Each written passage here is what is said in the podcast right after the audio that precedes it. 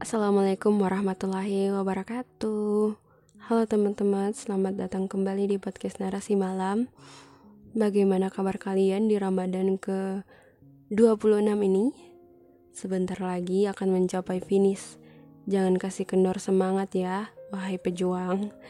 Lebih rajin lagi menghatamkan Quran, sholat wajib dan sunnah, sedekah, berzikir, dan yang paling gak bisa ditinggalin adalah berdoa.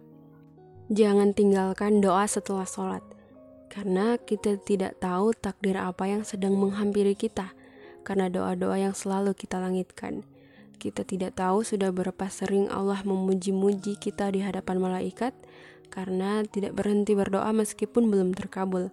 Kita tidak tahu bagaimana para manusia-manusia yang sudah meninggalkan dunia begitu iri dengan kita karena karena kita masih diberi kesempatan untuk berdoa.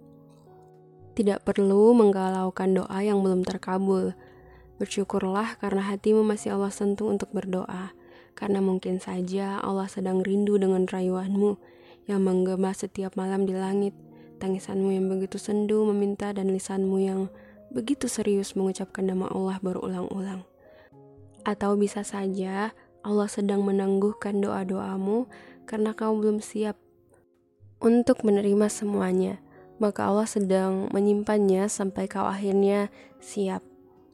Atau bisa jadi sebenarnya doa-doamu sudah terkabul.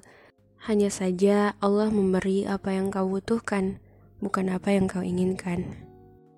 Apa yang menurut kita baik belum tentu baik juga untuk diri kita, dan Allah Maha Tahu atas segala yang ada di langit dan di bumi. Pikiranmu hanya fokus pada satu skenario bahagia untuk hidupmu, tapi tidak mempertimbangkan segala kemungkinan yang bisa terjadi.